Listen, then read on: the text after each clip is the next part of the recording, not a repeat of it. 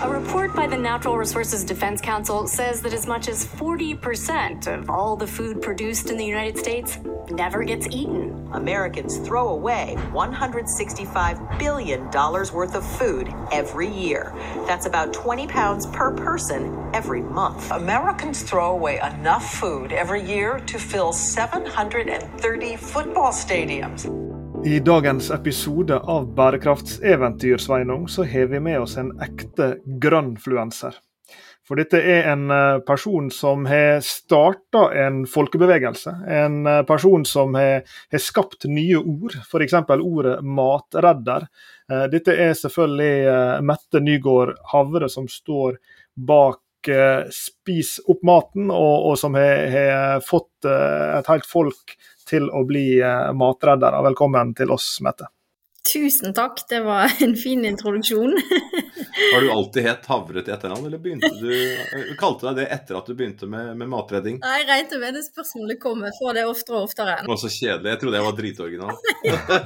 det, det, er litt morsomt, det er jo inngift i den der Havre-familien, da. Så jeg tenker litt sånn, det må jo ha vært meant to be.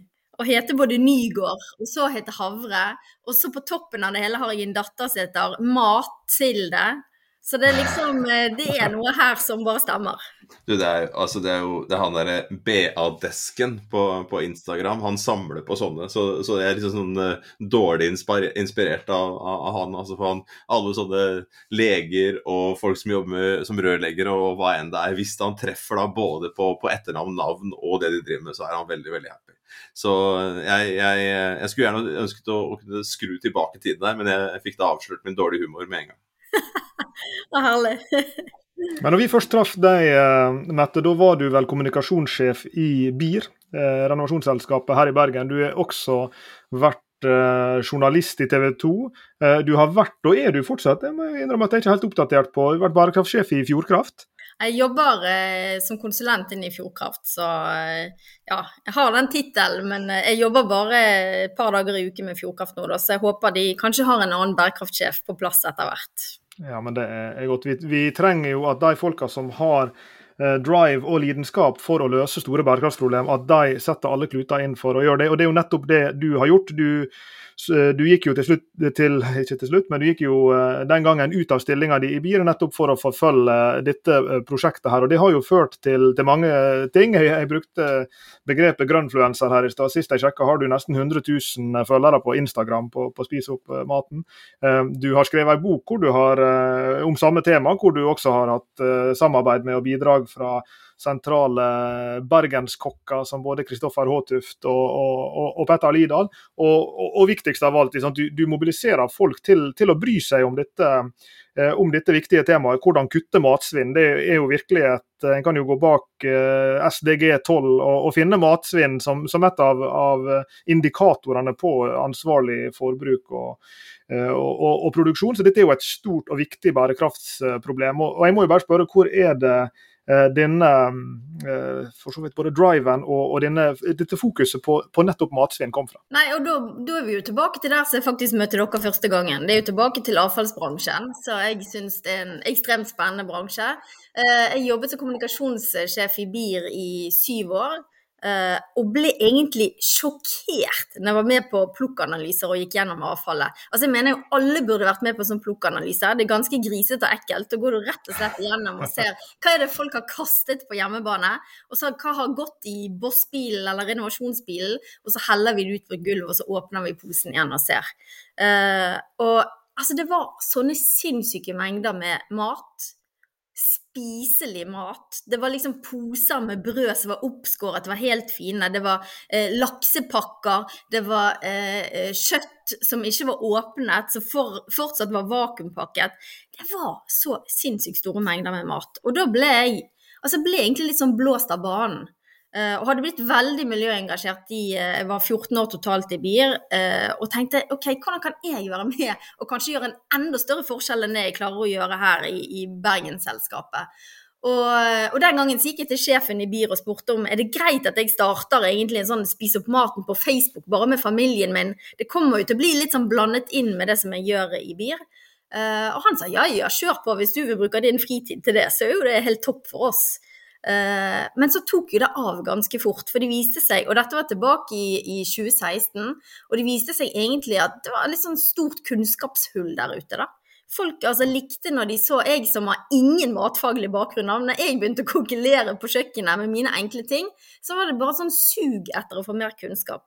Så derfor sluttet jeg i, i i 2017 og startet selskapet mitt Grønne verdier, der jeg da har denne her eh, folkebevegelsen Spis opp maten. Og det har liksom bare rullet på seg da de siste fire årene. Eh, og det som jeg har sett, altså med å være med på disse plukkanalysene, det er jo kan vi gi folk jeg prøver ikke å gi folk dårlig samvittighet, jeg prøver egentlig å kommunisere det med glede og kommunisere positivt. Men jeg ble litt sånn her OK, hele bransjen handlet jo om matsvinn. Hvordan skal vi redusere matsvinn? Altså det fins jo nesten ikke noe mer usexy ord enn matsvinn. Taksonomi er kanskje enda verre. Eh, men, eh, men, matsvinn det er litt sånn negativt ladet. Mm. Og derfor begynte jeg å prøve å snu litt. Altså Som kommunikatør i mange år så tenkte jeg hvordan kan vi få folk med? Jo, da må det jo være positivt. Og dermed så kom jo matredderordet opp. Eh, vi begynte å snakke om single bananer, snakke om restetorsdag, snakke om datoskrekk. Altså prøve faktisk å gjøre det litt morsomt. Og det tror jeg har truffet ganske bra hos mange.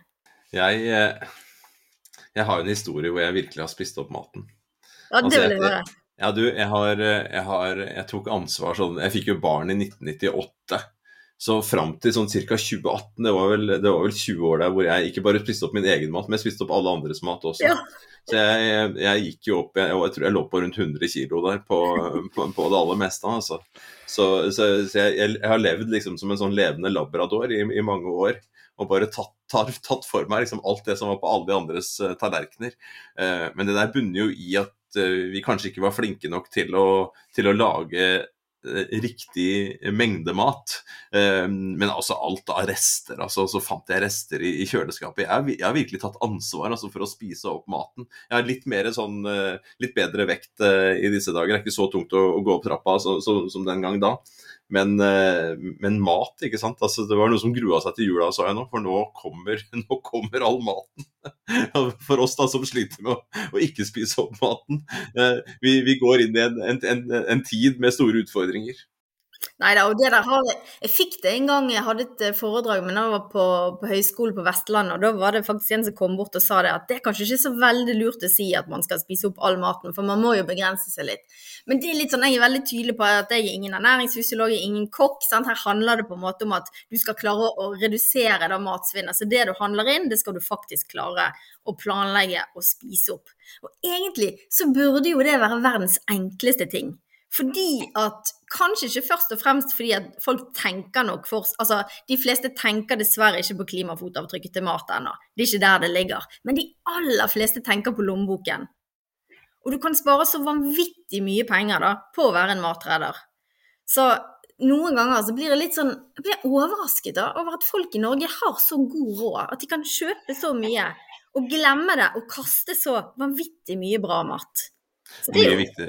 Mye viktigere historie du drar opp der, og jeg, jeg beklager igjen altså, at, jeg, at jeg, jeg skjener ut, eh, ut, av eh, Du legger jo opp en autostrada her, og, og, vi skal snakke mye mer om disse her. Altså, at, at, jeg har problemer med å, å, si nei, det er jo absolutt uh, mitt problem. Og jeg tror også i de 20 åra at vi jaggu har kasta mye mat, altså. Uh, og hvis en skal liksom ta opp, uh, ta opp alvorligheten på en annen måte da, rundt dette her, så, så kjenner jeg meg igjen i det å å kjøpe mat for seint, altfor tett opp til jeg skal spise. Så det blir så det, alle de ting jeg, Hvis jeg hadde bestemt, så hadde vi liksom ikke lagd ting som skulle koke lenge. Jeg hadde ikke klart å planlegge for hele uka. Eh, det, det, det blir igjen mat. Og jeg er heller ikke noe glad i å gå i kjøleskapet og, og se altså sånn selv eh, melk melkeprodukter andre typer produkter som begynner å nærme seg. Selv om det er på den positive siden av en utløpsdato, så kjenner jeg liksom at det, at det, at det, at liksom Ja, det, er noe som Det, begynner å, å, si stopp, da. Og i de siste årene, med deg og andre, så har vi jo lært at nei, nå må vi slutte å se på denne sluttdatoen som en slags sluttdato. Den er best før, har vi til og med du og andre fått, fått påvirket, sånn at, at, det har kommet på, på de ulike uh, produktene. Men uh, det er jo det som er mitt hovedproblem. Ikke at jeg spiste opp all maten som var på bordet. Mitt hovedproblem er at jeg har planlagt for dårlig, jeg har hatt for lite kunnskap om disse tingene. Eh, og at jeg har mye å lære, og at jeg nok har et, et stort svinn også i dag. Eh, fordi at jeg ikke har nok kunnskap, eller at jeg kanskje mangler de verdiene som skal ligge i bånn der. Men, men liksom det, nå, nå, kaster jeg meg bare ut under, under bussen sjøl liksom, og sier at eh, flott, flott, å deg, flott, å ha deg, på besøk, for her har jeg, bare for å snakke helt personlig fra meg selv, eh, fremdeles mye å lære og mye å gå på. Vi inviterte deg terapeutisk. Men dette er veldig typisk. Og, og uh, uten at jeg har gjort forskning på det, så er det dessverre mer typisk menn enn kvinner. Slenger ut den brannfakkelen. Ja, Herlig. Men dette, det liker vi. Men, men, du uh, kan jo stille her, uh, Mette, også armert med empiri. Eh, og, og, som Sveinung er inne på, du, du har jo hatt påvirkning bl.a. gjennom denne var det kumeieriene du fikk inn denne her, uh, ofte god etter. ikke sant? Og, og, du er i kontakt med mange av de som, som er viktige beslutningstakere både i næringsliv på den måten, men også i, i myndighetene. Og, og, I forrige uke så kunne vi lese i, i mediene, bl.a. På, på NRK, at du hadde vært Eh, i Oslo, går jeg ut ifra at det må ha vært, sammen med klima- og miljøvernminister Espen Barth Eide. Og Der var det jo noen data eller noe empiri på utviklingstrekkene knytta til matsvinn, og de var vel ikke bare oppløftende. Nei, altså der er jo satt et mål, og det er jo egentlig målet som du viste til i sted. Bærekraftsmål nummer 12 og 12.3 som sier at vi skal halvere matsvinnet innen 2030. Så det er jo det som er blitt gjort. Nå det, det, det gjøres veldig mye bra i Norge nå for å redusere matsvinnet. Blant annet så er det jo en bransjeavtale som Matvett, eh, organisasjonen til næringslivet, står bak, eh, der de gjør eh, ganske mange gode tiltak da, for å redusere matsvinnet. Men så har vi også da vært inne og sett på oss forbrukere. Og dessverre da, så viser jo tallet det at det aller, altså 48% av matsvinnet i Norge det kommer fra dere og fra meg. altså Det kommer fra oss som privatperson i husholdningene. Så kan det være at det går litt ned, for det er nok en del mørketall i en del bransjer i forhold til de tallene som blir levert inn. Men eh, nå er det jo satt litt som mål fram at man skal klare å redusere matsvinnet med 50 innen 2030. Så egentlig nå så skulle vi ha redusert matsvinnet med 15% men hjemme i husholdningene har vi bare redusert det med 6% de siste fem årene. Og totalt nå så har vi redusert matsvinnet med 10% så det er klart at det går jo egentlig for sakte, men som jeg sier, vi har et helt annet fokus på, på matredding i dag enn vi hadde for fem år siden. Det skjer ekstremt mye bra. Altså, jeg har jo til og med vært i ledergrupper i banker og snakket om matredding. Altså, her alle vil på en måte være med og gjøre en forskjell. Så jeg tror jo at selv om denne snøballen går litt sakte nå, så har vi satt den i gang. Så jeg tror jo at nå bare vi klarer å rikke den liksom, at den begynner å gå litt fortere, så tror jo jeg at vi kan begynne å, å klare å, å, nærme oss det der 50 reduksjonstallet mye raskere enn det vi har klart de siste fem årene.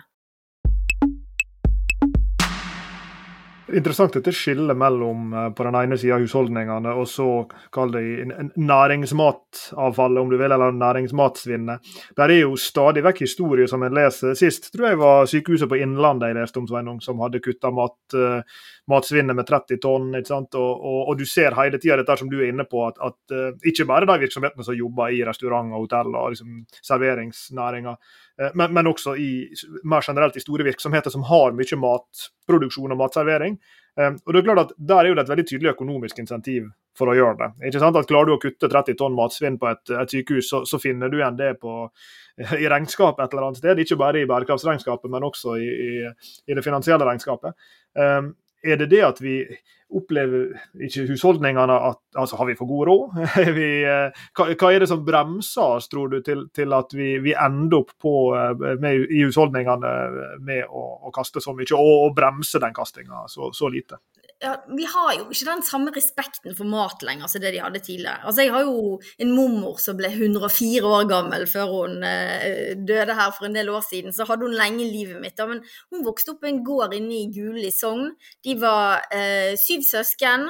Og altså, det var mange ganger hun la seg om kvelden og var sulten.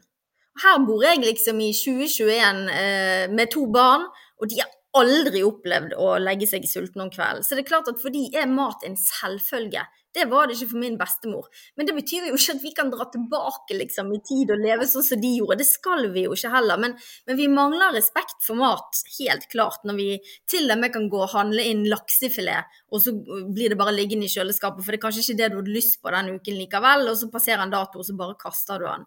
Så jeg pleier jo, når jeg er rundt av foredrag, så, så kaster jo jeg ut den og sier nei, men kanskje maten er for billig i Norge, eller kanskje vi rett og slett har altfor god råd. Og da blir jo folk egentlig, da blir de fort sure, og det er jeg klar over at de blir. For det er ingen som vil liksom, at vi skal si at maten er for billig. Og akkurat nå i disse dager så går jo faktisk prisen på mat opp, og på en del av råvarene.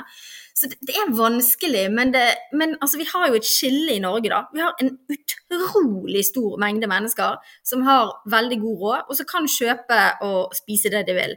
Og, og litt sånn som, som Sveinung sier, sant, at du vil egentlig ikke planlegge denne uken, for du har faktisk råd til at du kan gå og kjøpe den maten som du har lyst på der og da. Og hvorfor skal ikke du gjøre det da? Men samtidig da, så har vi jo en større og større mengde i Norge som lever under fattigdomsgrensen. Det begynner å bli ganske mange i Norge etter hvert som stiller seg, og nå når vi nærmer oss jul, så ser du jo at køene til både Fattighus og til eh, Blå Kors og til Kirkens Bymisjon er mye lengre enn før. Matsentraler som er rundt omkring i hele Norge, de har aldri hatt så stor etterspørsel. Så det er jo et eller annet som feil i hele verdikjeden her, tenker jeg. Så det er vanskelig å si akkurat hvorfor. Men vi har det ganske godt, de aller fleste av oss. Og da trenger vi liksom ikke helt å bry oss. Kan kunnskap være en komponent også? Nå tenker jeg på meg sjøl. Altså sånn, jobba litt på kjøkkenet, jobba på, på Tyrili kollektiv, Tyrili tunet. I sin tid så, så, var det en husholdning på 20-30, jeg jobba på kjøkkenet et, et, par år. Så jeg, jeg, kan liksom håndtere litt sånn Jeg kan lage lasagne til 40 stykker og litt sånn streit uh, mat, gjerne med oppskrift, ikke sant. Men de siste 20-30 årene, så, eller 20 årene så har det ikke akkurat vært der. Det er en, en liten husholdning. Men når jeg er sammen med kokkevenner f.eks., så, så, så kan jo de bare gå inn i et, et, skap, et kjøleskap, og så ser de ingredienser, og så, og så, og, og så kommer det mat ut. Altså, sånn, og da tenker jeg, ja, for jeg, ja, for jeg Hvis jeg hadde liksom kunne hatt en eller annen form for et verktøy, da, noe AI eller lignende, som jeg kunne bare skanna kjøleskapet mitt til enhver tid, og så kunne jeg fått opp liksom en fire-fem gode gode oppskrifter, så skulle jeg kunne lagd det etter oppskriften. Men jeg, jeg ser ikke en, en, paprika som ligger igjen aleine, eller noen grønnsaker og tenker å ja, dette kan jeg bare putte ja. i ovnen med litt sånn og sånn type krydder, og så kan jeg gjøre ditt, og så kan jeg gjøre datt. Det er sånn som eh, jeg må bare skjære det sånn, det er sånn som Homer Simpson i The Simpsons åpna kjøkkenskapet, og så sier han oh no, there's no food, only ingredients. Den er fin. Nei, men altså, Det der er jo en av de tingene, det er derfor teknologien er så viktig nå. For vi kommer der at du etter hvert kan åpne kjøleskapet, og så kan du faktisk faktisk skanne på det du har, og så kommer det opp pop, du kan lage det. Hvis ikke vi bare kommer der at folk ikke vil lage mat lenger. Men det tror jeg ikke. Men jeg tror dessverre at vi, da, som er i den generasjonen som er pluss 40 Akkurat som skjedde et eller annet med oss. Altså vi, eh, Jeg vet ikke om hva som har skjedd, men jeg tror de som er yngre enn oss, de som går på skolen i dag Jeg er masse ute i, spesielt på ungdomsskolen og på 9. trinn. Både sjette trinn og 9. trinn de har jo mat og helse på skolen. Altså, De er helt annerledes enn hvordan jeg kan huske at jeg og mine medelever var. Så jeg, jeg tror jo at uh, de er faktisk sånn etter hvert som de er 15 år og de kan faktisk åpne kjøleskap, og så kan de si wow, her kan vi trylle om og lage et eller annet. Men det handler mye om kunnskap, og så handler det om at mange har datoskrekk. Sånn som du sa, at når du åpner kjøleskapet, så, så ser du faktisk bevisst på datoen. Dato ble jo innført på 70-tallet på mat i Norge. Sant? Så Tidligere så brydde vi oss ikke om det i det hele tatt. I dag er det mange som bryr seg om datoen.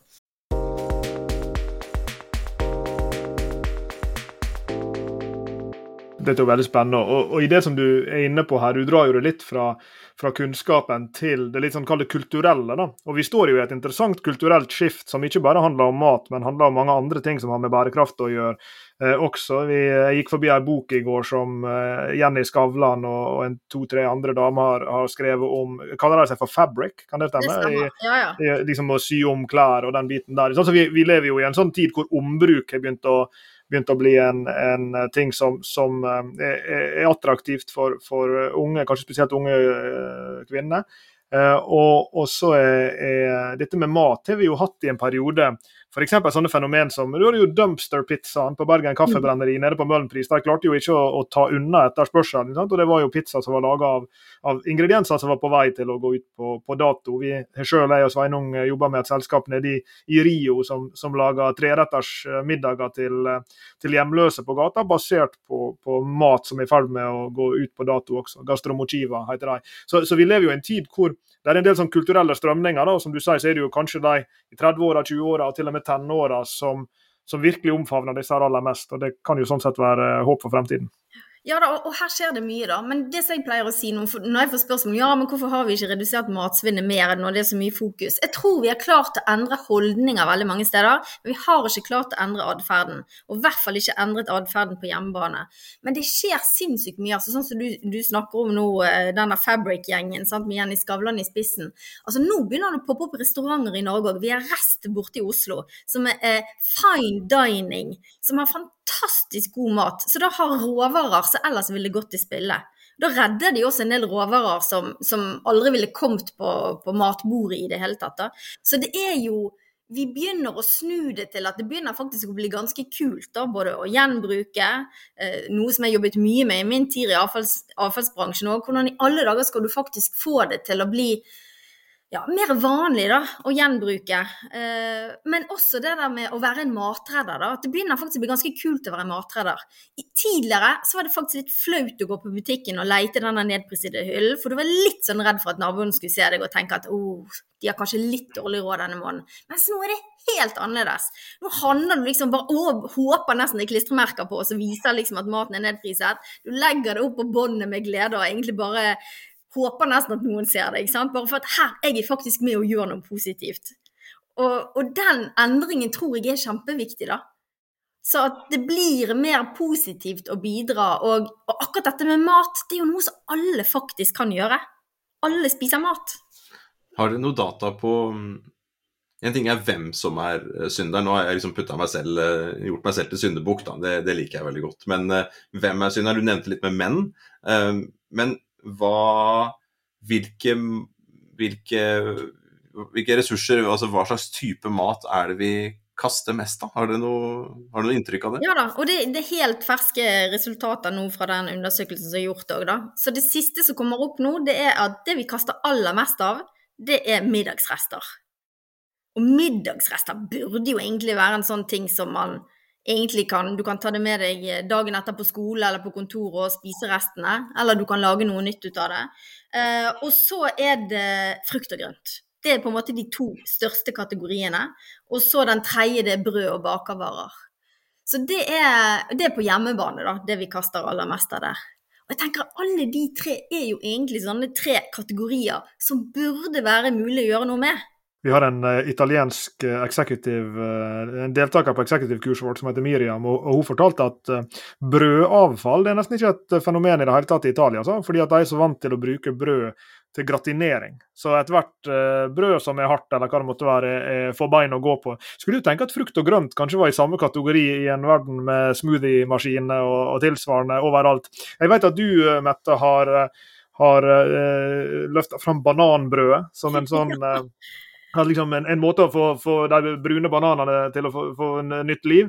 Eh, har du andre sånne For Instagram-kontoen som jeg refererte i stad, den, den, kan jo dels leses som en sånn inspirasjonsreise i hvordan gi maten nytt liv. Er det andre overraskende eller nytenkende måter å, å utnytte disse matrestene på, som du kan dele? Ja, og det, jo, og det er jo, kanskje det enkleste stedet å begynne. Sant? Det er jo faktisk å, å se inn i sitt eget kjøleskap, og, og hva kan man faktisk eh, klare å gjøre noe med. Og så er det da da, og når middagsresten er liksom det som er, er det som det er sånn typisk middag i et hjem, da. Det er jo kanskje å spise spagetti og kjøttdeig og grønnsaker. Veldig sånn standard norsk rett.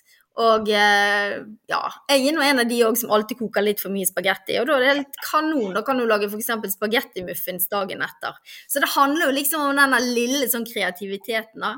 Eller at du, hvis du har litt dvaske grønnsaker, det er jo kanskje det jeg Altså, alle har opplevd at salaten blir litt stygg, eller gulrøttene er blitt litt bløte. Da er det bare å finne fram en skål med kaldt vann og legge det oppi, et par timer oppi der, og så er faktisk salaten helt knasende sprø og fin igjen. Og dette er jo det jeg prøver å formidle på Spis opp maten. Uh, de der enkle tipsene. Og så er det klart uh, uh, her Det er ikke sånn at jeg er et oppkom alltid av alle gode ideer. Og det er jo det som er blitt det fine nå med Spis opp maten, for det er så utrolig mange som er med og deler. Folk har så mye gode ideer, eller de har eh, gamle oppskrifter eller eh, forslag til et eller annet som du kan gjøre. Så det er blitt et sånn stort forum etter hvert, da, der man faktisk kan både dele kunnskap, og man kan få ny kunnskap. Og det tror jeg er, er viktig. Så jeg pleier å si at det fins ikke noe sånn statlig opplysningskontor for matredding, men de har jo meg, da, så, så gjør dette på en måte gratis. Så, så det, og det, det funker, altså. Folk, folk, trenger å lære, og de, de ønsker å lære. Så, men, men en annen ting er jo òg Det er veldig mange som er usikre på dette med dato. Så jeg får mye sånn spørsmål hver dag. Folk sender bilder, da, og så er det sånn Du, jeg fant i går jeg hadde en kjøttdeig i kjøleskapet, og jeg ser han har gått ut på dato for to dager siden. Tror du jeg kan spise han? Det er jo vanskelig for meg selvfølgelig å stå der som sånn dommer og si at ja, du får nå bare se, lukt og smak, og så får du teste. Så, så jeg, passer meg veldig for hva jeg, jeg sier, men, men, de får alltid et svar. Det gjør de også. Holder du kurs, eh, eventuelt liksom rådgir eh, venner for eksempel, Jeg tror et, et, produkt vi bruker mye i Norge, i hvert fall uh, vært en gjenganger her i huset gjennom året, er jo kyllingbryst. Og de kan jo være nesten to uker før utløpsdato, men når du åpner den, så må du ha en neseklype. Og hvis du da begynner å, å nærme deg den datoen og eventuelt går over, og den der, der, der lille lakenen ligger i begynner liksom å, å skille seg litt oppi den der boksen. Det, ja, men, også, men, men, men, jeg er ganske usikker, for jeg, jeg, er jo frista til å kaste den lenge før jeg bare åpne opp. Liksom, å, dette, jeg skal virkelig spise de greiene her. ikke sant? Det, okay, vil du ha et enkelt tips der? Ja, ja jeg, trenger, jeg, jeg, trenger jo, jeg trenger jo eh, mye mer enn et enkelt tips. Så begynn med det enkle tipset. Jeg trenger livscoach. Og du Lars Jakob, du sitter bare og holder kjeft. Du, altså, du liksom, jeg, jeg blir svarteper her. Vi skal, vi skal prate om deg etterpå. Altså. Eh, fortell meg, Mette. Å, veldig bra. Nei, eh, et enkelt tips, da, både på kylling og på kjøtt generelt, det er jo når du åpner Det er jo stort sett er det vakuumpakket, eller det ligger nedi. Så åp pakken, men sett en klype på nesen først. Og så la heller pakken få være Ikke stikk nesen nedi med en gang og kjenn på lukten. La den få lufte seg et par minutter på kjøkkenbenken. Så kan du lukte på den.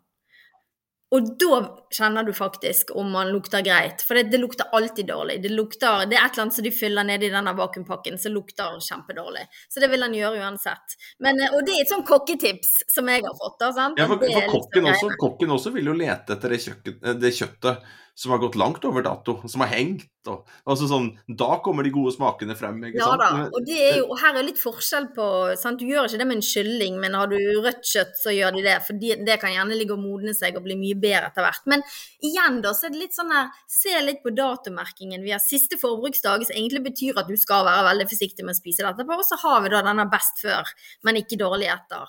Eh, som gjør at du faktisk skal bruke sansen din og se, lukte og smake.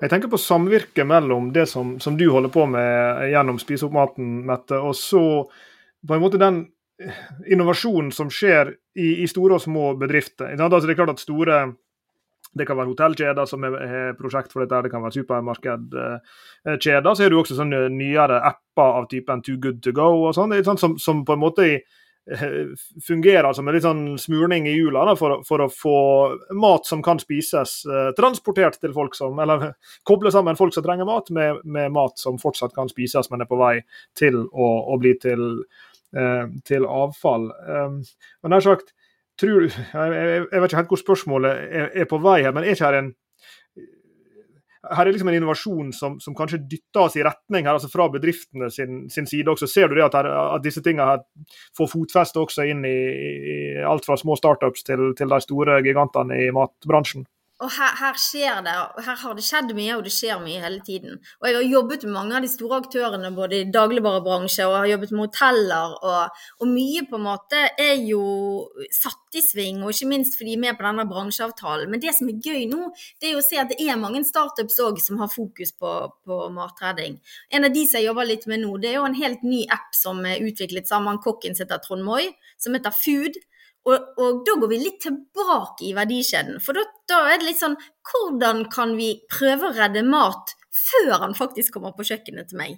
Og da snakker vi mer eh, eh, fra eh, bøndene, eller fra Hvis du har et epletre eller plommetre i hagen da, som bugner, så kan du faktisk legge ut i denne appen og si at du, nå er det liksom sesong for epler, selv om det ikke er nå, da det har vært litt tidligere. Eh, kom gjerne i, i, min hage og plukk. Men også det at vi da kan få For det er jo en av de tingene som vi ser at hvis folk skal ha respekt for maten, en ting som mange har respekt for, det er jo hvis de handler mer lokalprodusert mat. Da tar folk vare på det på en litt annen måte. Så, og, og sånn som To Good To Go har jo egentlig vært revolusjonerende. Fordi de har klart å Altså, de har reddet så mange millioner poser med mat, som de sier. sant? Altså, Da kjøper du forundringsposer. Eh, vi har Throw No More. Det popper egentlig opp med apper da, som man kan bruke. Men den utviklingen trenger vi, og vi trenger nok enda mer. Men det er veldig mange som tenker i samme bane, så vi trenger jo noen som gjerne tenker litt annerledes etter hvert. Jeg veit jo det at eh, jeg ser på sånne programmer på, på, TV også, sånn, hvor utrolig ryddig man kan ha det i boden. Bare man begynner å rydde der. Og, og loftet kan jo se ut som en drøm, ikke sant. Uh, og, så, er det så mange ting som man Hvis man bare hadde brukt litt mer tid på det Hvis man bare hadde gjort sånn og bare gjort slik ikke sant?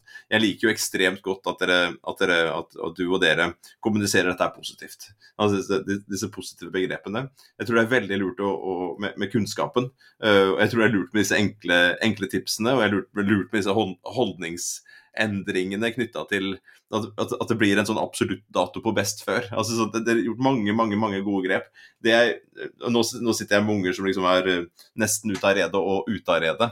Uh, og i dag så har jeg jo mer tid til å bruke til dette her. Men jeg må innrømme at de, de åra der med barnehage, bussing, vått og, og, surt og kaldt, han har sagt, og dårlig tid før man skulle på en eller annen type aktivitet. Eh, man visste ikke helt hvem som kom hjem fra jobb når, og hvor, hvor man var eh, i den tiden der. Så, så, så, tenker jeg liksom at jeg skulle gjerne da hatt noen som både hadde rydda i boden, for å si det sånn, eh, og som hadde gjort disse veldig veldig smarte grepene i hagen, hvor man kunne dyrka ditt og datt sjøl og gjort alt mulig rart.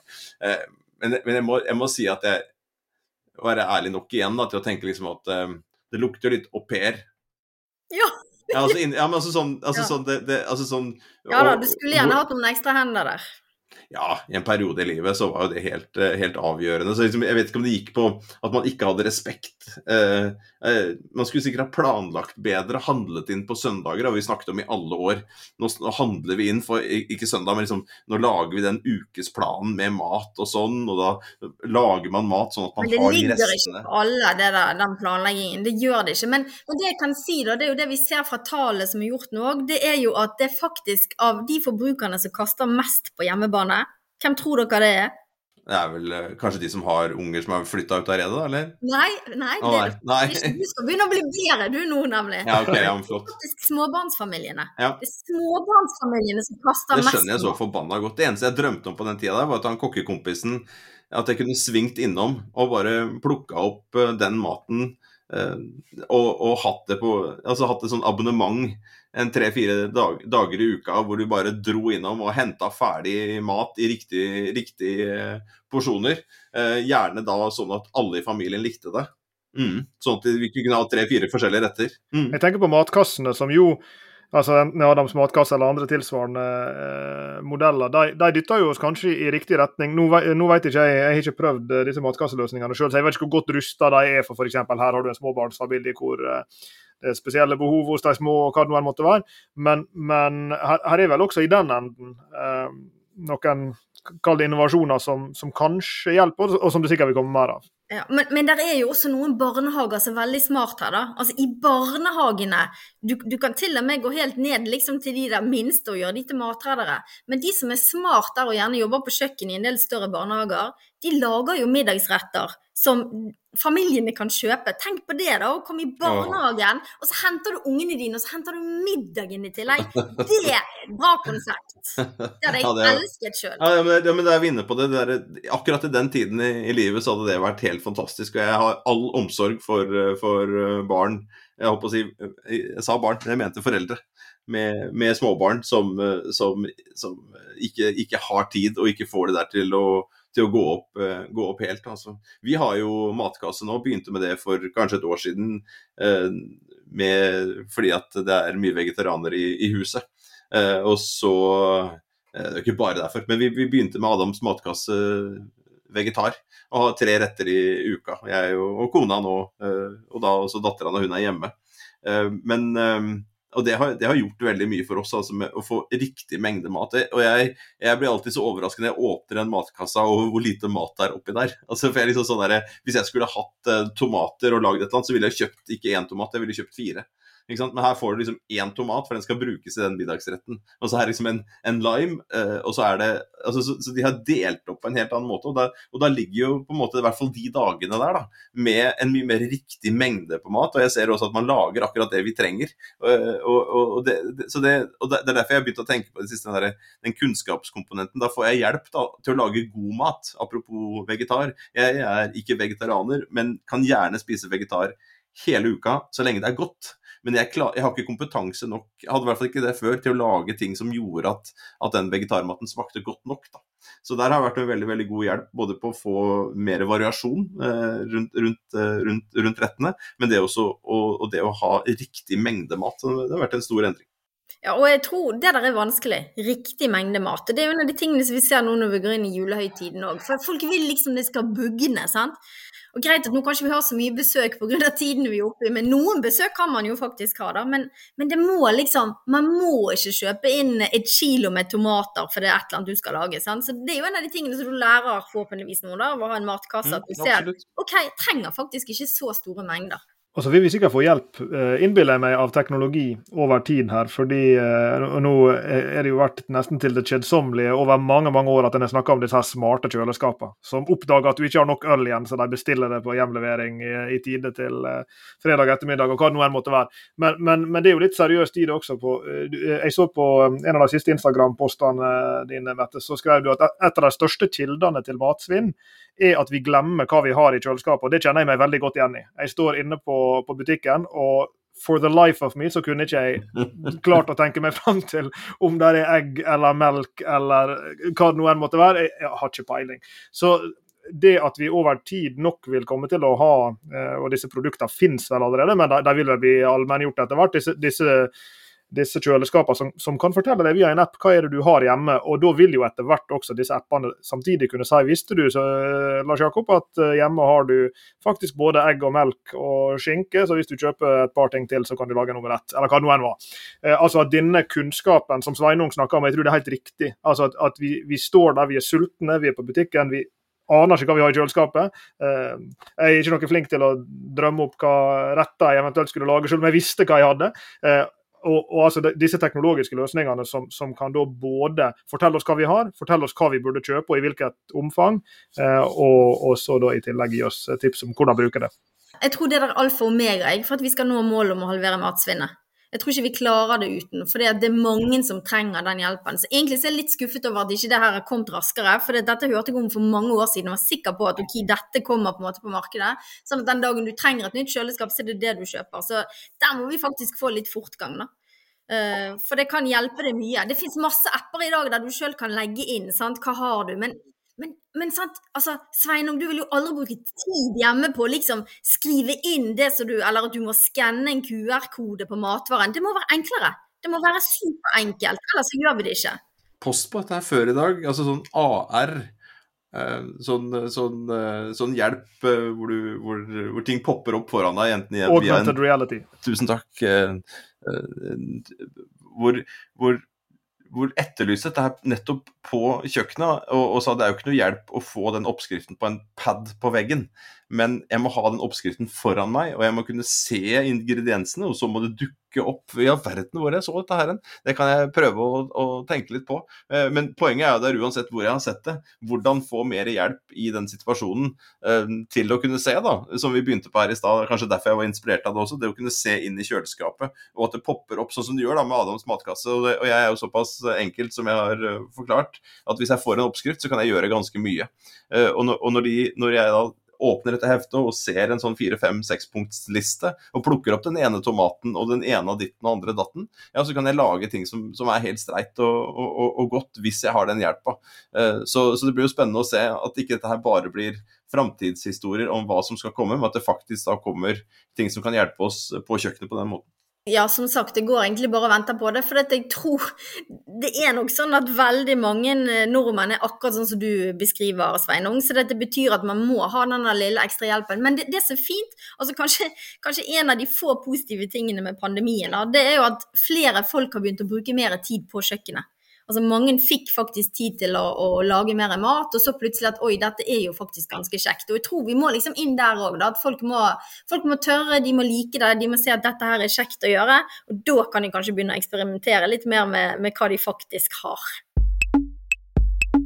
Jeg må spørre deg, Mette, for eh, jeg vet at du har, eh, har tatt med deg barna dine inn i eh, inn i dette matredderuniverset. Og de er jo sånn sett nesten som en slags medgründere med det jeg får en inntrykk av når en ser både eh, i bøkene og eh, Hvis jeg husker rett, har dere vært på tysk TV sammen eh, også og ja, fortalt om, om både dette? Både tysk TV og belgisk TV, og vi har hatt mange forskjellige hjemme her hos oss. Så, og det har ungene vært med på. Ja, jeg tenker sånn i et, i et sånn kundeatferdsperspektiv, da. Vi har noen gode kollegaer her borte som, som, er opptatt av dette som jeg kaller for kundepraksiser. Altså det at, at det ikke bare er et kundevalg. Skal jeg ha det produktet eller skal jeg ha det? Men liksom det praksisene rundt hvordan du du lever. Altså Det kan være bildeling, det kan være valg om å ta buss eller enn å, å kjøre bil. Det kan, det kan, være massevis av forskjellige ting. Bli vegetarfamilie, sånn som Sveinung sin familie. Og det krever jo da en onboarding av, av hele familien og hele husholdninga. Eh, så, så, utgangspunkt i din egen opplevelse, hvor, hvor, viktig tror du det er for de som ønsker å, å lykkes med å bli matreddere og kutte sitt eget eh, private matsvinn, og liksom onboarde hele familien og, og, og gjøre et slags uh, kollektivt prosjekt ut av det? Jeg tror det er veldig viktig, og så tenker jeg at det er jo en litt sånn Det er et fint nyttårsforsett, da. Å sette seg ned kanskje nå i romjulen eller eh, på nyåret og bestemme seg for noen ting som man skal ta tak i sammen som familie, eller om du bor i kollektiv, eller hvordan du bor. der. For liksom noe man kan ha fokus på sammen. Så hos oss ble det jo i hvert fall en sånn Når jeg begynte med dette prosjekt Spis opp maten, så, så var det første jeg gjorde, var å snakke med barna og liksom si at, hva var det vi så at vi kastet? Og de syntes jo veldig raskt at dette var gøy. Men vi gjorde litt sånn konkurranse av det hjemme, da. Så uh, lage litt sånn der uh, Hvem er den beste faktisk matredderen i familien? Det er ikke så dumt. Men jeg ser jo klart Nå har vi holdt på med det her i fem år hos oss. Uh, mine barn er nå blitt 13 og snart 16 år. De begynner jo å bli store. Altså For de er det, det er helt indoktrinert hos de. De er liksom matreddere på sin hals. Og det er klart, sånn blir det jo. Vi påvirker det jo mye. Men de påvirker sine igjen. Og de kommer på skolen med, med, matbokser med restemat og påvirker på en måte sine skole- og klassevenner. Men, og jeg tror jo det her er kjempeviktig. Men dette går også andre veien, og det er litt viktig å si. For vi som voksne kan påvirke barna, men jeg tror det er veldig mange voksne som blir påvirket av barna sine òg, da. For de kommer gjerne hjem og enten så har de hatt et foredrag om matredding, eller eh, de har lært om eh, plast i havet. Så, så, går de rett hjem, og så lærer de opp foreldrene sine, og faktisk arresterer foreldrene. Men da snakker vi jo gjerne barn som er ja, barn, ungdommer, som, som gjerne gjør det. Så uh, dette går begge veier, men uh, for min del så har det vært kjempeviktig at det er et familieprosjekt. Fordi at dette er jo altoppslukende. Dette er living the brand for meg. Uh, så hvis ikke de hadde vært med, så hadde ikke det vært like vellykket som det det har vært hittil.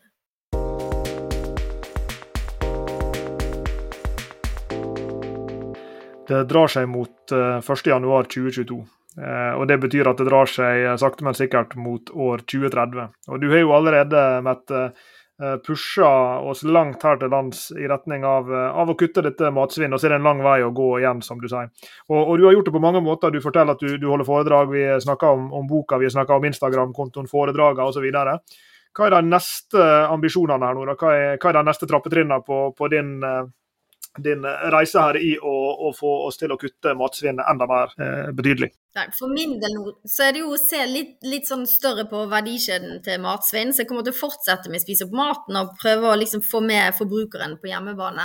Men det er også noe å jobbe med en del gründere rundt omkring som, som, prøver å redde mat som ellers gjerne hadde blitt kastet. da. Så nå er det på en måte både ny app som kommer, og, og ikke minst å holde på med gründerselskap her i Bergen som heter Mer enn. Så rett og slett lager pizzabunner og rundstykker og foccaccia av eh, grønnsaker som ellers ville blitt kastet. Og så er jo liksom, Én ting er å starte sånne ting, men en annen ting er å klare å få det ut i de store dagligvarebransjene. Og det er jammen ikke lett for de der små eh, gründerne å, å, få innpass, om det er Coop eller Rema 1000 eller, eh, eller Norgesgruppen eller hvem de skal inn til. Så der kan jo jeg være en litt sånn døråpner òg. Så det er liksom det neste å gjøre det. Dette skal egentlig være, det skal være helt vanlig, det å være en matredder. Vi har pratet mye om uh om uh, sluttbrukeren, kjøkkenbenken. Uh, men nå begynte du, du åpna døren der litt til, til bedriftene uh, også. og det er vel en ganske stor andel av maten som forsvinner i det leddet også. At det er, det er matsvinn, at det, at det, kreves matreddere der også. og, og, og det, det, høres ut på deg som det begynner å skje ting. hvis du skulle, skulle ønsket deg noe, hva ville det vært? Altså veien på, på, altså Ønsket deg noe på veien videre? Nei, altså For min del så er det sånn dagligvarebransjen er jo begynt å gjøre mange gode tiltak for å redusere matsvinnet. Men eh, jeg hadde liksom ønsket at de hadde steppet opp enda mer, da. Eh, fortsatt så kastes det sinnssykt store mengder med frukt og grønt og brød og, og diverse mat fra dagligvarebransjen. Så jeg tenker vi må på en måte klare å snu det hos de òg, da. Så mitt største ønske er vel at de eh, skal faktisk ta enda større ansvar. Og så tror jeg de må være med og, og motivere forbrukeren også. Så um, der ligger nok veldig mye av det hvis vi skal klare å halvere matsvinn òg. Så det, det, er ikke bare oss forbrukere, det er faktisk produsenten òg. Men det, det, skjer utrolig mye spennende. Altså, det er liksom produsenter av eh, altså fiskeoppdrett, så bruker de de bruker alt. sant? Før så blir mye kastet. Så, så, det begynner å skje en kjempepositiv endring. Så det er nesten blitt en litt sånn kamp om å være den liksom som klarer da, å bruke råvarene best mulig. Men eh, fortsatt ligger mye igjen på jordet hos eh, bøndene. Fortsatt er det veldig mye som, eh, som må inn i en EU-standard i hvordan skal en gulrot se ut. Så det er jo min store drøm, det er jo å få eh, snåle grønnsaker i butikkene. Det er liksom virkelig det jeg jobber for nå. Ja, Det skrev vi om i, i, i boka vår, jeg og Sveinung. Uh, Intermarché er vel den omtrentlige uttalelsen på dette franske eh, kjeden som, som, hadde, som populariserte stygg frukt eh, der nede. Og Vi har jo ikke brukt ordet enda, men det som vi i økende grad her snakker om nå, det er jo eh, sirkulærøkonomi. Eh, og, og, det er jo en sirkulær bevegelse, det vi snakker om her, helt fra Vi var med på et forskningsprosjektsøknad som heter 'From farm to fork'.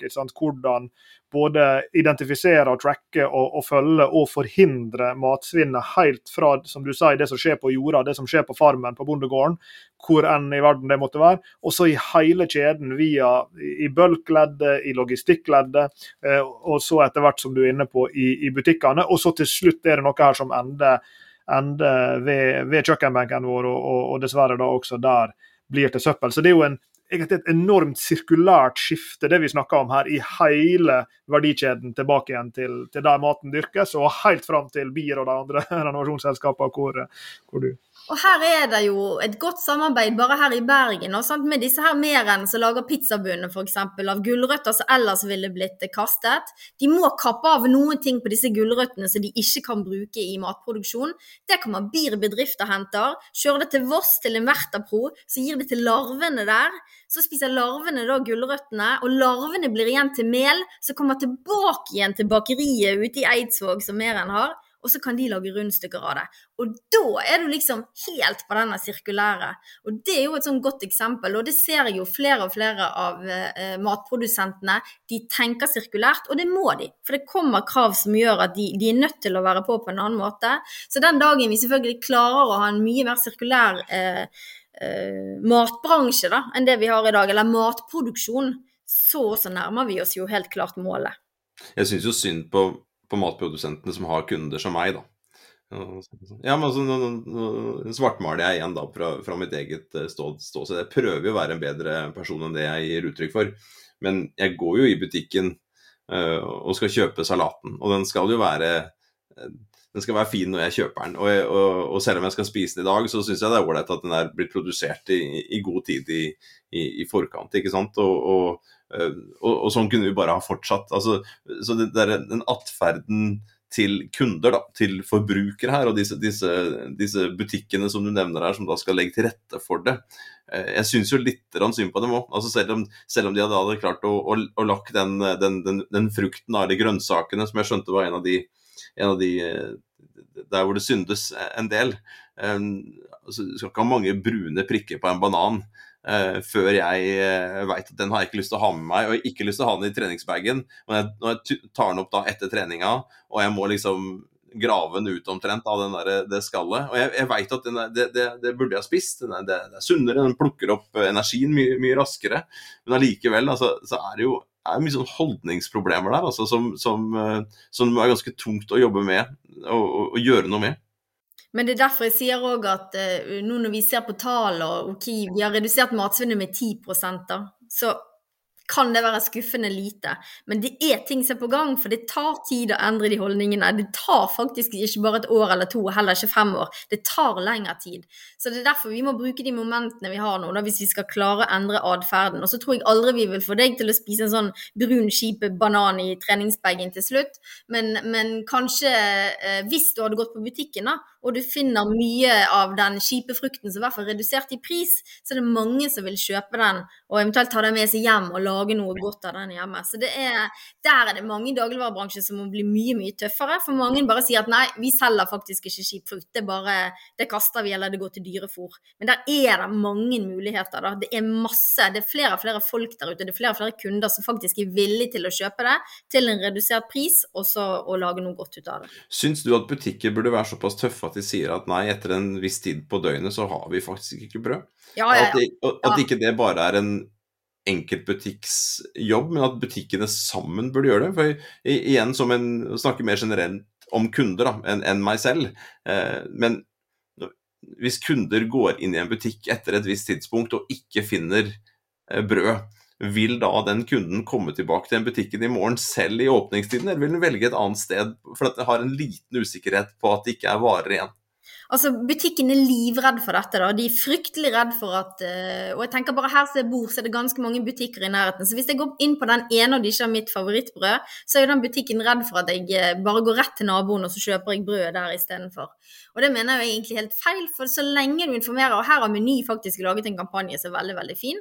Der er, står det da bakerst, hvis det er tomt i brødhyllen, så står det 'Beklager, vi er utsolgt for ditt favorittbrød'. Men enten så kan du velge et annet brød, eller så har vi fryste bakervarer, vi har knekkebrød, eller vi har til og med eh, halvsteikte brød som du kan ta med deg hjem og varme sjøl. Her må butikken bare være tøffere. Men det var litt morsomt at du nevner det, for akkurat vært i et møte i dag, for nå skal jeg være med i et større forskningsprosjekt på akkurat dette her med brød.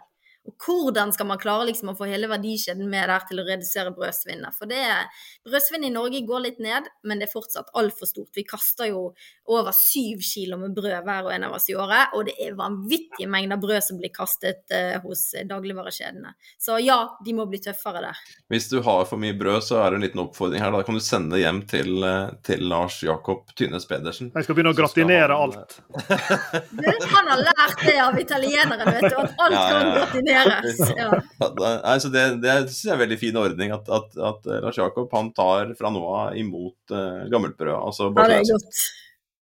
Det er, stor, eh, det er, en stor utfordring vi, vi, diskuterer her, og som vi er inne på, så krever det innovasjoner langs en lang kjede. Det krever atferdsendring, både som dere er inne på nå, fra bedriftsbesluttere, altså det er butikkene og, og det andre som, som, må endre seg. Og så er det vi, da, eh, som tøft som det enn er, også må bli eh, flinkere. Og, og du, eh, du, har gjort og, og fortsetter å gjøre en, en, kjempejobb for å pushe dette viktige bærekraftsområdet her og hjelpe folk til å tenke annerledes, tenke mer positivt, la seg inspirere rundt det. og det er vi eh, det er vi veldig glad for, Mette. Så tusen takk for at du vil komme hit til oss i dag på et lite førjuls bærekraftseventyr. Så håper vi at det er mange av våre lyttere som lar seg inspirere inn i jula til å, til å spise opp maten, til å planlegge godt rundt maten. Inviter så mange du kan hjem som kan hjelpe deg å spise opp maten. Ikke mer enn 20. Det sto at du ikke kunne invitere mer enn 20 stykker.